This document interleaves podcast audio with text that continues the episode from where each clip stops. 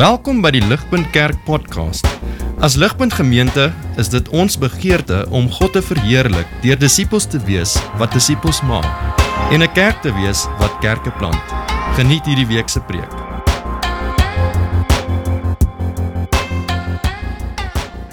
Genesis 38 was die hartseer storie van hoe hy in sy ongeregtigheid stadig maar seker vervreem was van sy familie en hy het baie mense begin kuier en hy het in 'n gebroke huwelik gestaan en hy het op 'n seksuele manier droog gemaak en dit was die storie van sy lewe.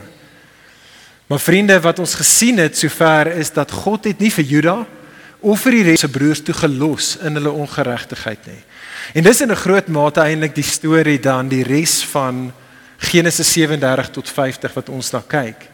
Die hele punt van die storie is dat presies die einste paadjie wat Josef moes stap, letterlik en spreekwoordelik af na Egipte toe verneder sodat God hom kan verhef. Dit is ook die paadjie wat Josef se broers in hulle ongeregtigheid gaan moet stap. Hulle gaan moet letterlik en spreekwoordelik afgebring word, verneder word af tot in Egipte sodat God die een sal wees wat hulle op die einde sal verhef. En dit bring ons by by die se gedeelte. So laasweek se gedeelte het ons nodig om vinnige recap op te doen want vandag se gedeelte is soos gedeelte 2 van laasweek se storie. Ons het laasweek gesien Genesis 42 en 43 hoe Jakob vir sy seuns afstuur want daar was 'n hongersnood gewees en hy stuur hulle af om kos te gaan kry. Uh, hy los sy jongste seun, sy nuwe geliefde seun Benjamin by die huis. Hy stuur die ander seuns af. Hulle kom tot by Josef. Ehm um, hulle kom by die heerser in Egipte. Hulle weet nie dis Josef nie, maar Josef weet hierdie is sy broers en so hy toets hulle. Josef kom in laasweek se gedeelte en hy toets hulle. Hy sê vir hulle Ek weet wie julle is, julle is 'n klomp spioene en hy beskuldig hulle vals van ongeregtigheid. Hy gooi hulle in 'n tronk. Hy stuur hulle na 3 dae terug huis toe en hy los die een broer. Hy los vir Simeon in die tronk en hy sê vir die ander broers: "As julle weer vir Simeon wil sien, dan julle nodig om julle jongste broer Benjamin te gaan haal, dan kan julle weer julle aanry." Jy sien wat ons laasweek gesien het, vriende, is dadelik bevind hierdie broers wat in 'n mate probeer weghardloop van hulle ongeregtigheid van die verlede, word hulle weer gekonfronteer met die verlede want nou moet hulle teruggaan na die pa toe. Heer vir hom moet vertel van hulle sy jongste geliefde seun wat nou ook moet hulle word weer gekonfronteer met hulle pa in sy seer verlede weer. En dit is wat ons laasweek gesien het. Met trane en pyn en met 'n armdruk gaan die broers en hulle kry vir Benjamin en hulle bring hom toe einde laasweek terug af Egipte toe. En dit is waar laas keer se storie geëindig het. Met al die broers weer terug daar, heerser van Egipte in Josef se huis en hulle sit om 'n feesmaal en hulle kuier saam met die heerser. Wat 'n bietjie weird was vir hulle, maar dit is hoe die storie laasweek geëindig het. En vriende, dit is daar wanneer ons dan hierdie storie vandag Hou julle blaadjies byderhand. Vriende, vandag se gedeelte Genesis 44 en 45 is die klimaks in die storie van Genesis 37 tot 50. Hierdie is die klimaks in die storie as Genesis 37 tot 50 'n movie was, 'n rolprent was. Ons van hierdie gedeelte vandag is die hoogtepunt in die storie. Dit is hier waar die spanning die heel hoogste punt gaan bereik.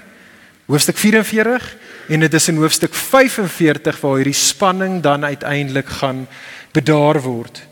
En hierdie gedeelte fokus op die twee hoofkarakters in die hele storie sover op Josef en op die seun sy broer Juda. Ons kyk na die storie saam. Vriende sien saam met my hier eerstens Genesis 44. sien raak die storie van Juda se bekerende hart. Genesis 44 Juda se bekerende hart. Kyk daar, dis nou later daai aand, hulle het nou net 'n party gehou hier in die huis van Josef en dadelik vertel die storie vir ons verder. Gaan Josef na een van sy hoofamptenare toe. Hy sê vir sy hoofamptenaar, luister, hierdie is wat jy moet doen. Hierdie klomp ouens wat nou hier te kry, gaan en gaan vul elkeen van hulle se sakke met kos. Dan gaan sit jy weer soos tevore weer hulle geld terug in hulle sakke, maar dan gaan jy ook en jy vat my spesiale silwerbeker en jy sit dit in die jongste broer in Benjamin. En dan stuur jy hulle môreoggend huis toe En dan wanneer hulle môre huis toe gaan, dan sit jy en jou manskap hulle agterna en na so rukkie dan stop jy en sê wag wag wag so bietjie. Wie van julle het my meester se silwer alle silverbeker gesteel? En uh, en dan sê jy vir hulle baie belangrik en hierdie woorde is belangrik. Dan sê Josef sê vir die hoofamptenaar, dan vra jy hulle spesifiek hierdie vraag en hier is die woorde wat jy moet gebruik. Vers 4. Have you repaid evil for good? En dit is belangrik dat jy daai woorde dan moet spreek. En so dit is wat die volgende oggend gebeur. Die broers waai, die hoofamptenaar en die manskappe sit hulle agterna en hulle kom en hulle sê wie van julle het die silverbeker gesteel van my meester? Dadelik sê die broers, "Maar hoorie, ons is onskuldig. Ons het dit nie gedoen nie." Kyk wat sê hulle daarso. Hulle sê, ehm um, vers 9 dat die een onhou kan doodgemaak word en die res van ons sal slawe kom wees in die huis van jou meester. En so dit er die sakke word oopgemaak en so wrintie waar daarin Benjamin die jongste broer se sak word die silverbeker toe gevind. En vers 13 sê vir ons then they chose so hulle is totaal en al gebroken hulle totaal en al berou hulle kan nie glo wat nou hier gebeur het nie. Die groot vrees van die pa die hele ding wat by hulle spook van wat in die verlede met hulle gebeur het hier, hier speel dit weer af. Die jong die geliefde seun gaan in Egipte gestuur word as 'n slaaf. Nou vriende ek en jy het nodig om dit te verstaan Hoekom het Josef dit alles georkestreer? Hoekom doen hy dit? Josef doen dit en hy piek spesifiek op Benjamin want onthou Benjamin is die naaste korrelasie aan hy wat Josef is. Benjamin is die ander, dis sy bloedbroer. Dis die ander broer van Rachel wat hulle twee se ma is. Hy is nou die jongste broer soos wat Josef was. Hy is nou die geliefde broer soos wat Josef was.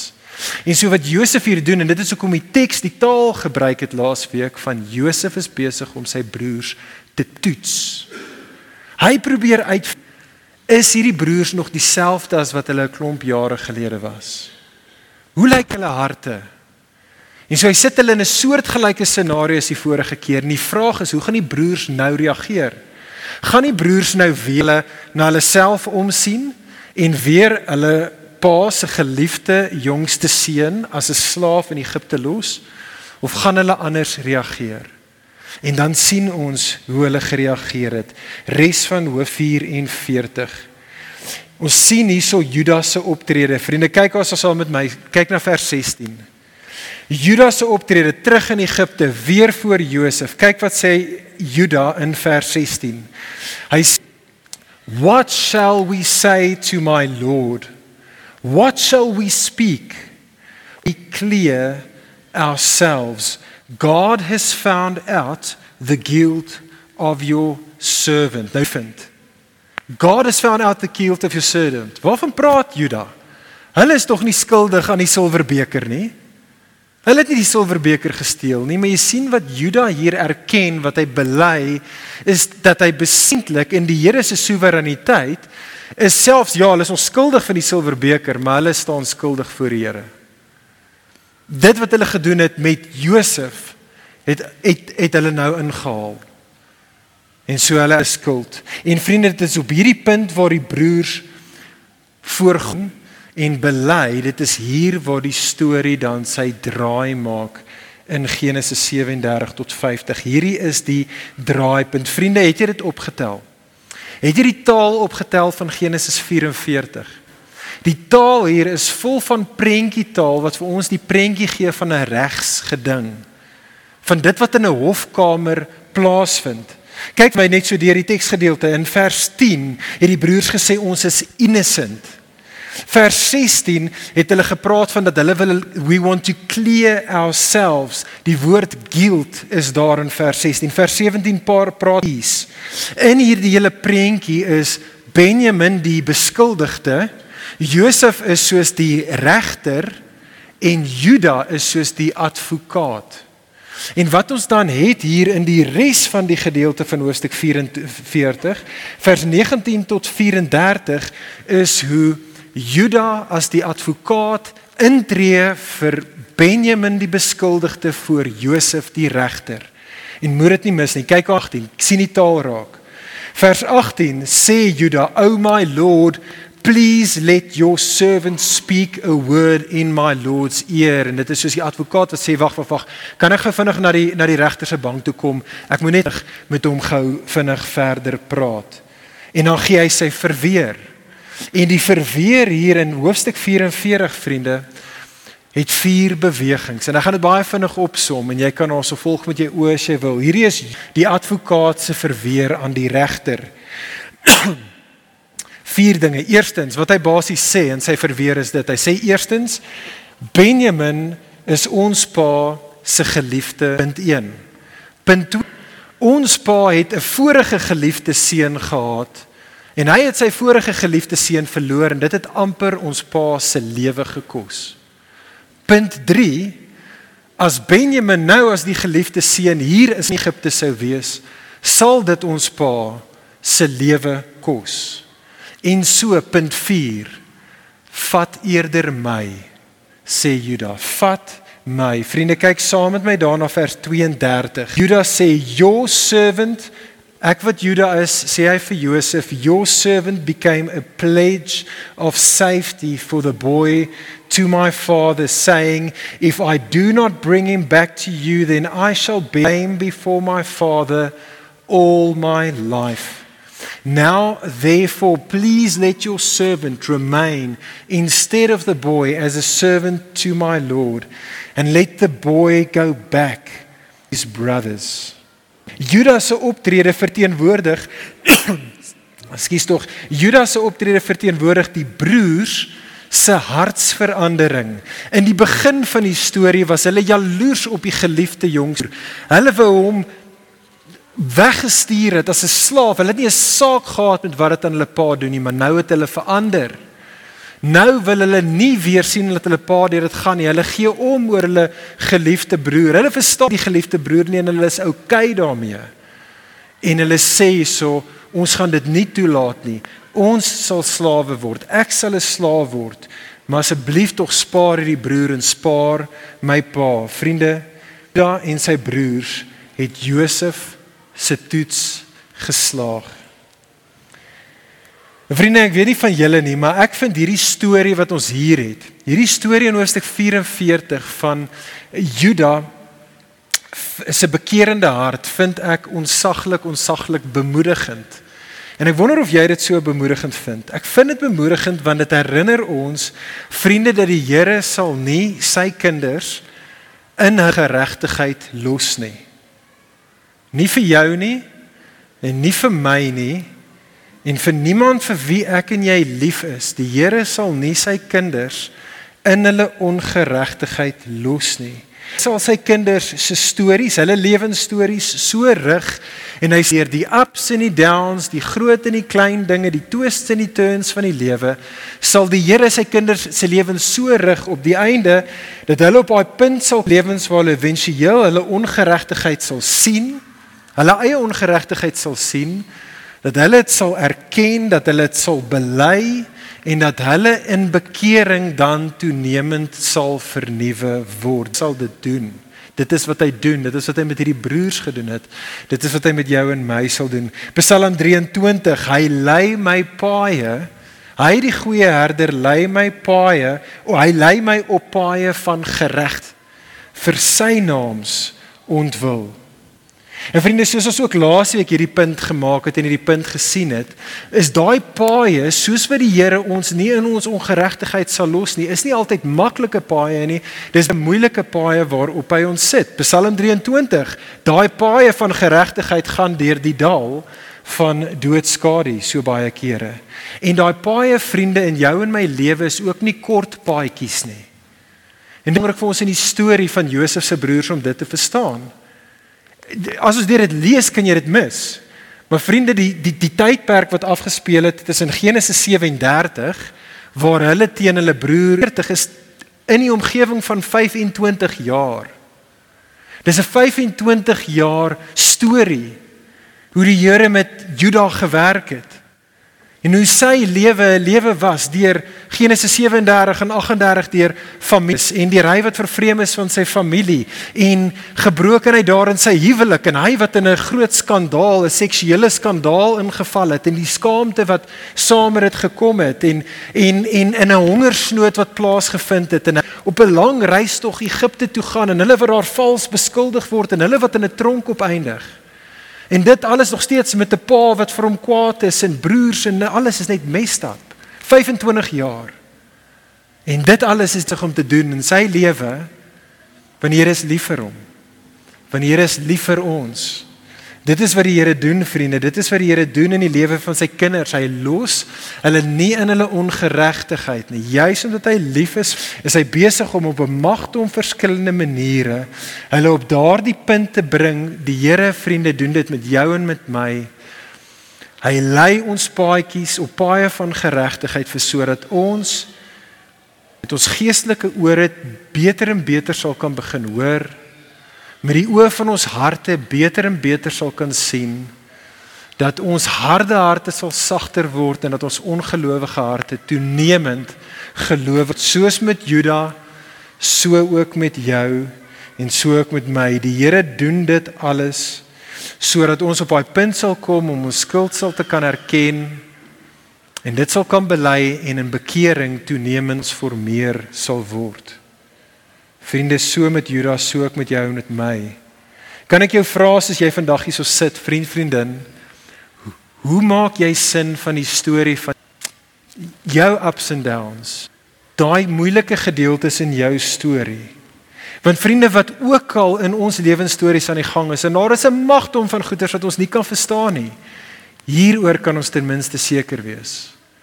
Ons kan seker wees dat as jy sy kind is, is so lief vir jou en vir my dat hy besig is om ons meer en meer soos Jesus te wil maak. En dit is 'n bemoediging vriende want dit beteken dat jou en my lewensstories, die kompleksiteit van stories is nie betekenisloos nie. Dit beteken iets. Vriende, jou en my swaar kry is nie verniet nie. Ons swaar kry dien 'n goeie doel. En as ons kinders van die Here is, gaan die storie vir einde van die dag goed uitdraai. Kyk saam met my hier op die op die skerm, bekende woorde. Bekende woorde van Jakobus hoofstuk 1 vers 2 tot 4. Woorde wat ons herinner aan die storie van Genesis 44 en 45. Woorde vir jou en vir my om te onthou. Jakobus sê vir ons, hierdie is die opdrag aan jou en my. Beskou dit as 'n groot vreugde my broers wanneer allerlei beproewings julle oorval, omdat julle dat as julle geloof getoets word, dit volharding bewerkstellig. Maar julle volharding moet tot volledige ontwikkeling kom sodat julle volmaak en sonder gebrek kan wees en niks tekort skiet nie. Gelowige hoor dit vandag. Ligpunter hoor dit soos jy probeer sin maak van jou gebroke lewensstorie. Hoor hierdie. Hou moed. Hou moed. sien jou beproewings as 'n toets wat jou probeer breek, nê? 'n Toets wat jou geestelike 'n toets wat jou wil nuut maak, wat jou wil perfek maak. God se soewereiniteit doen dit sodat ons geloof verdiep sal word sodat ons geloof sterk sal word en sodat ons menswees in die proses getransformeer sal word. Dit is Genesis 44. Judas se bekeerende hart. Kom ons kyk na die tweede gedeelte van die storie. Genesis 40. Kyk saam met my vriende, blaai om en sien saam met my in Genesis 45 Josef se barmhartige hart. sien raak Josef se barmhartige hart. Jy sien toe Judas en sy broers is uh toe toe toe Josef Juda en sy broers se bekeerende harte sien het die damwal van Josef se eie hart gebreek. En dadelik sê die teks vir ons in vers 1 Josef het, uh, het begin huil. Josef begin huil het toe stuur hy al sy Egiptiese diensknegte uit. En hy stuur hulle uit maar dit het nie gehelp nie sê vers 2 want die ouens kon van buite af gehoor het hoe Josef gehuil het. En dan vers 3 Dan kom Josef by sy broers en openbaar hy sy ware identiteit. Kyk sommer daar in vers 3. Hy sê vir hulle ek is Josef, ek is julle broer en toe hy dit vir hulle sê, kyk wat sê hulle wat wat sê die teks toe, tweede helfte van vers 3. But his brothers could not on for they were dismayed at his presence. Ek wil dit maak sin hè. Ek bedoel die ou hulle is al klaar soos in so bang vir hom soos wat hulle voor hierdie magtigste ou in die hele wêreld in Egipte staan. Hulle is al klaar baie, hulle klaar in 'n tronk gegooi, dinge is klaar shaky. Nou vind hulle uit daai ou is hulle broer. Die einste ou wie hulle probeer doodmaak het in die verlede is nou die magtigste ou voor wie hulle staan. Die vraag is wat gaan hy nou doen? Gaan hy nou wat hulle verdien? Gaan hy nou die kwaad wat hulle aan hom gedoen het met kwaad vergeld? Is dit wat hy gaan doen? En die antwoord vers 4 tot 15 hier in hoofstuk 45 is nee. Nee, dit is nie wat hy En vriende moet dit nie mis nie. Hier is een van die mooiste, pragtigste prentjies dink ek in die hele Bybel. Moet dit nie mis nie. sien raak hier Josef se hart teenoor sy broers. Lê jy moet dit sien. Druk jou neus in die teks vers 4 sien die taal, sien die uitnodiging van Josef aan hierdie broers van hom wat hom probeer dood vers 4. Hy nooi hulle uit. Hy sê come near to me. Vers 5. Hy stel hulle gerus. Hy sê do not be distressed and do not be angry with yourselves. Hy sê moenie bang wees nie en hou op om jouself te verwyd want dit wat beheer het is in die Here se goeie raadsplan gewees. Drie keer sê hy dit daarso. Vers 5, vers 7, vers 8 it was God who sent me before you. Vers 9 God was the one who made me lord of Egypt. Die Here het dit alles georkestreer sê Josef juis. Dis ironie dat julle probeer my doodmaak en ek gaan vir julle lewe gee soos wat julle my probeer doodmaak. En soos wat julle dit doen, het die Here my opgerig sodat ek sal omsien. En so dan gaan Josef aan en hy maak 'n belofte en hy sê vir hierdie broers van hom en so ek sal na julle omsien. Ek gaan na julle omsien. Kyk op vers 10. Kyk wat sê in vers 10. You shall be near me. Pragtige, pragtige woorde. Vers 11. I will provide for you.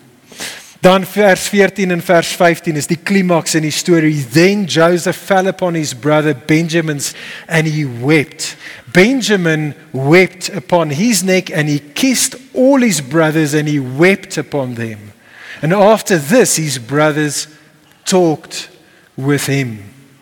So daar's baie trane. Hier is daar trane net in daai verse. Josef het al klaar twee keer tevore gehuil in vers 1 en vers 2. Laasweek se gedeelte het Josef twee keer gehuil. Dit alles kommunikeer hierdie onsaglike liefde wat hy het teenoor sy broer. En teenoor en hy en hy en hy huil en hulle huil en hulle geniet saam dan gemeenskap. Vriende, watter verstommende verandering het net hier plaasgevind in die storie van hierdie broers en al hulle sonde en al hulle ongeregtigheid. Het jy dit opgetel? Kyk weer na hoofstuk 44. In hoofstuk 44 is die taal soos wat die broers voor hierdie heerser staan is Lord, Baas. Ek dink Jesus 18 gedeelte het hulle nee 7 keer in die gedeelte het hom Baas genoem. En hulle het omtrent 18 keer in die gedeelte na hulle self verwys as servants of slaves is die vertaling. Hy is die baas en ons is servants and slaves. Dis hoofstuk 44. Hoofstuk 40 He is our brother. En met nou word daarna hulle verwys as the brothers. Alles in 'n lewe het hulle het skuldig gestaan en die een teen wie hulle gesondig het is die een wat hulle kan vryspreek van regtigheid. En hulle in hulle behoeftigheid en die hongersnood is daai een die Here is hulle broer. En so hy gaan nou in hulle behoeftigheid aan hulle kan voorsien. En vriende, soos Juda kerende hart in hoofstuk 44 'n bemoediging vir ons is omdat Juda vir jou en vir my baie aan onsself herinner. So vriende is Josef se barmhartige hart 45 is 'n nog 'n groter bemoediging vir ons is dit nie? Want Josef herinner vir jou en my nie aan ons nie, maar aan Jesus. Vriende, dis die evangelie. Jesus is die ware Josef. Hy is God wat mens geword het en in hierdie Egipte bestaan van ons het hy 'n dienskneg kom word. Hy het hier 'n slaaf kom word. Hy was verneder. Hy het selfs afgegaan na toe soos ons gedeelte twee keer in ons gedeelte van gepraat het. Dit is wat met Jesus gebeur het en toe het toe God hom verhewe. Hebreërs 2 gebruik hierdie soortgelyke Genesis taal vir ons. En Hebreërs 2 sê dat Jesus is nou daardie een wat met eer en met heerlikheid gekroon is en en sê Hebreërs 2 vers 11 en hy wat in heerlikheid gekroon is hy is nie skaam skrywer van Hebreërs om ons sy broers te noem nie. Vriende, dit is Jesus. Hy's nie skaam om ons sy broers en susters te noem nie. Hy is nou die leidsman Hebreërs 2 vers 10 van ons sing. Vriende, dit is die goeie nuus van die Christelike geloof. Jesus is die ware Josef. Hy kon jou en my ongeregtigheid, die kwaad wat ons hom aangedoen het, kon hy ons kwaad met kwaad vergeld. Dit nie gedoen nie. Hy het ons kwaad oorkom met goeie. Hy het gekom en hy het ons kom vergewe. Hy het ons met hom kom versoen. Hy het ons met kom onthels en hy het gesê ek sal na julle ek sal na jou omsien. Ek gaan jou nie gee wat jy verdien nie. Ek gaan jou nie net vergewe nie, maar ek gaan na jou kyk. Al al my rykdom is nou joune. En vriende aan die hand van dit net vir noem vier maniere wat hierdie goeie nuus vriende sien vir Jesus vanoggend as jou en my beter Josef sien jouself as Juda en sy broers vier maniere wat op hierdie verstommende nuus moet reageer. Die eerste ding vir jou en vir my is dit vriende ek wil hê ons moet sien. Sien asseblief tog Jesus se hart raak. Ek wil hê ons moet Jesus sien vir wat dit is Kyk saam met my op die skerm. Dit is 'n lang quote. Dit is 'n 'n lang quote uit 'n uitstekende boek Gentle and Lonely van Dane Outland. Maar ek kan dit nie beter sê as wat hy het gesê het nie. En hoor hierdie vriend vriendin, hierdie is medisyn vir my. sien vir Jesus. sien sy hart vir vir wat dit is. Dane Outland sê, "We project on Jesus our skewed instincts." About how the world works. Nietzsche dictates that the wealthier, wealthier a person, the more they tend to look down on the poor. The more beautiful a person, the more they are put off by the ugly. And without realizing what we are doing, they assume that one so high and exalted as Jesus has corresponding difficulty drawing near to the despicable and the unclean. Sure, Jesus comes close to us. We agree, but he knows. This is why we need a Bible.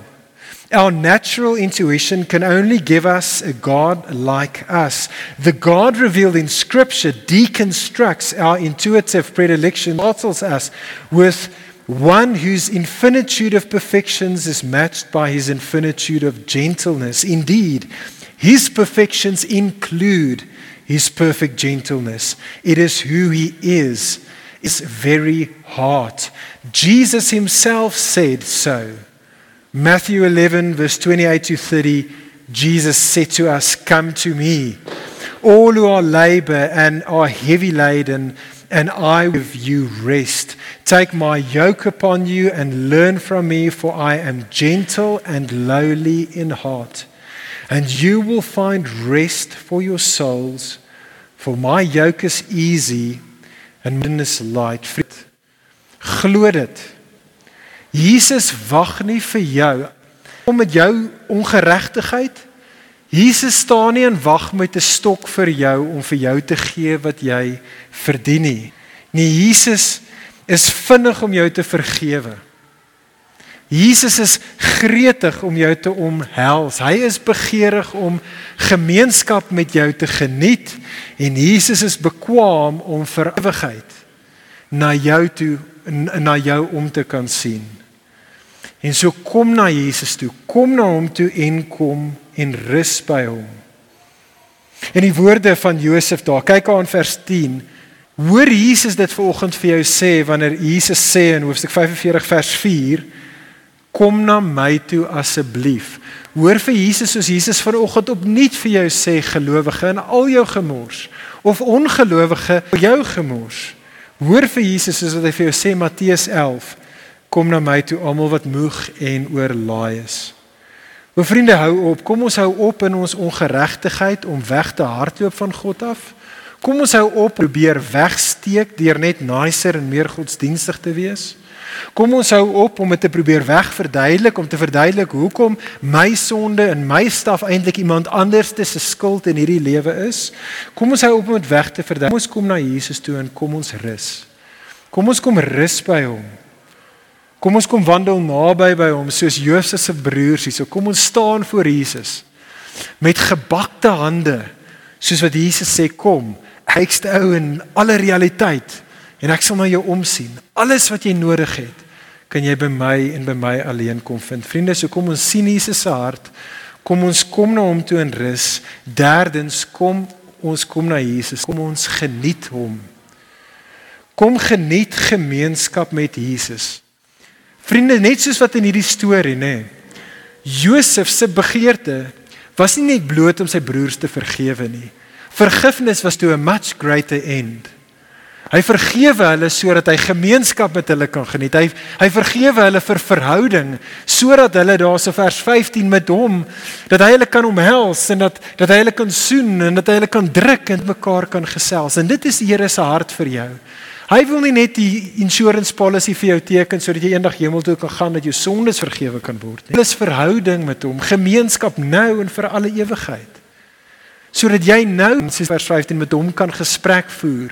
Sodat jy nou in 'n lewende verhouding met hom kan wandel waar jy na hom luister deur sy woord en jy luister na hom in sy mense en jy praat met hom terug. Jy praat met hom in gebed. Vriende, dit is wat Jesus kom doen dit vir ons. Dit is hoekom hy voor ons uitgegaan het Egipte toe dat ons in verhouding met hom gemeenskap met hom kan geniet. Maar kom en geniet dan ook Jesus se geregtigheid. Kom geniet sy geregtigheid. Het jy daai pragtige prentjie gesien daarso in vers 22? Kyk saam met my na hierdie beeld. Die beeld hier aan die einde van die storie, beautiful, is waar Josef gaan en hy gee vir sy broer sê die teks nuwe klere. Hoekom gee hulle vir nuwe klere? Want hulle ou klere is flenters geskeur. Kan jy dit onthou hoofstuk 44? Hoofstuk 44 in hulle sonde, in hulle gebrokenheid, soos hulle aan die einde van hulle self gekom het, het hulle klere geskeur. Nou hy sê, jou flenters klere weens jou ongeregtigheid. Hier is nuwe nuwe koningsklere wat ek vir jou aantrek en hy beklee hulle vriend vriendin en dit is 'n prentjie van die gospel vir jou en vir my. In al ons ongeheid, Christen, nie Christen, hoor dat hierdie word vir jou en vir my voorgehou. Kom na hierdie Jesus toe Besef dat o Christen met al jou gebrokenheid nou reeds staan jy geklee in Jesus se perfekte geregtigheid. Niks om te vrees nie.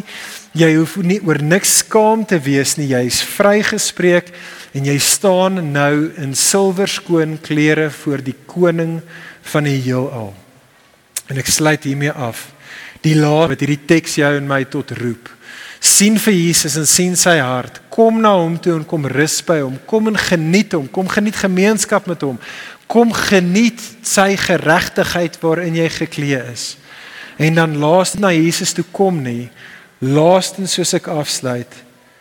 Kom ons gaan dan. Gaan en vertel. Want dit is wat hier oor die storie eindig, nê? Nee. Die storie eindig met Josef wat vir sy broers sê om terug te na Jakob en die res van die familie toe en gaan en gaan vertel. En dan sê die teks weer in 'n pragtige prentjie. Kyk saam met my daarso vers 46 26 en die broers and they Joseph's brothers told him to, Joseph is still alive and he is ruler over all the land Egypt. In vers 27 sê and Jacob's spirit revived. The spirit of their father Jacob revived with. Vriende die feit dat Jesus die Heer van alle Here ons broer is, is goeie nuus. Maar is nie net goeie nuus vir jou en vir my nie. Dit is goeie nuus vir 'n wêreld, 'n wêreld wat gebuk onder hulle eie ongeregtigheid, 'n wêreld wat gebuk staan in hulle eie behoeftigheid, wat so angsbevange is want hulle lewe in 'n hongersnood wêreld, belaai met hulle sonde, met niemand wat na hulle kan omsien nie. Watter nuus is dit nie? Die goeie nuus is dat die heerser van die heelal kan jou en my broer wees. Kom ons gaan vertel dit vir ander. Kom ons nooi ander. Kom ons nooi hulle in hierdie familie in en kom ons hulle van die Here wat ons broer is en wat vir ons 'n goeie storie kan gee. Kom ons kom ons gaan vertel dit. Kom ons bid saam. Ag Vader, ons wil vir U loof en prys vir die storie van alle stories in die seun Jesus. Here, ons loof en prys U vir die seun Jesus. Ons loof en prys U dat ons in die seun vergewe is en dat doen kan wees met U en dat U aan ons oorvloedig voorsien in al ons behoeftes. Ag Here, ons is ons is so vinnig om perspektief te verloor. Ons het sulke wobbly, ongege harte. Sal U hierdie Gees ons help om hierdie prentjie nie te vergeet nie. En in hierdie waarheid, maar meer as net in die waarheid dat ons by hierdie Jesus sal kom rus. Here, ek bid dit vir elke persoon hier en elkeen wat in ons sal kom rus in Jesus. Ag Jesus, U is so goed.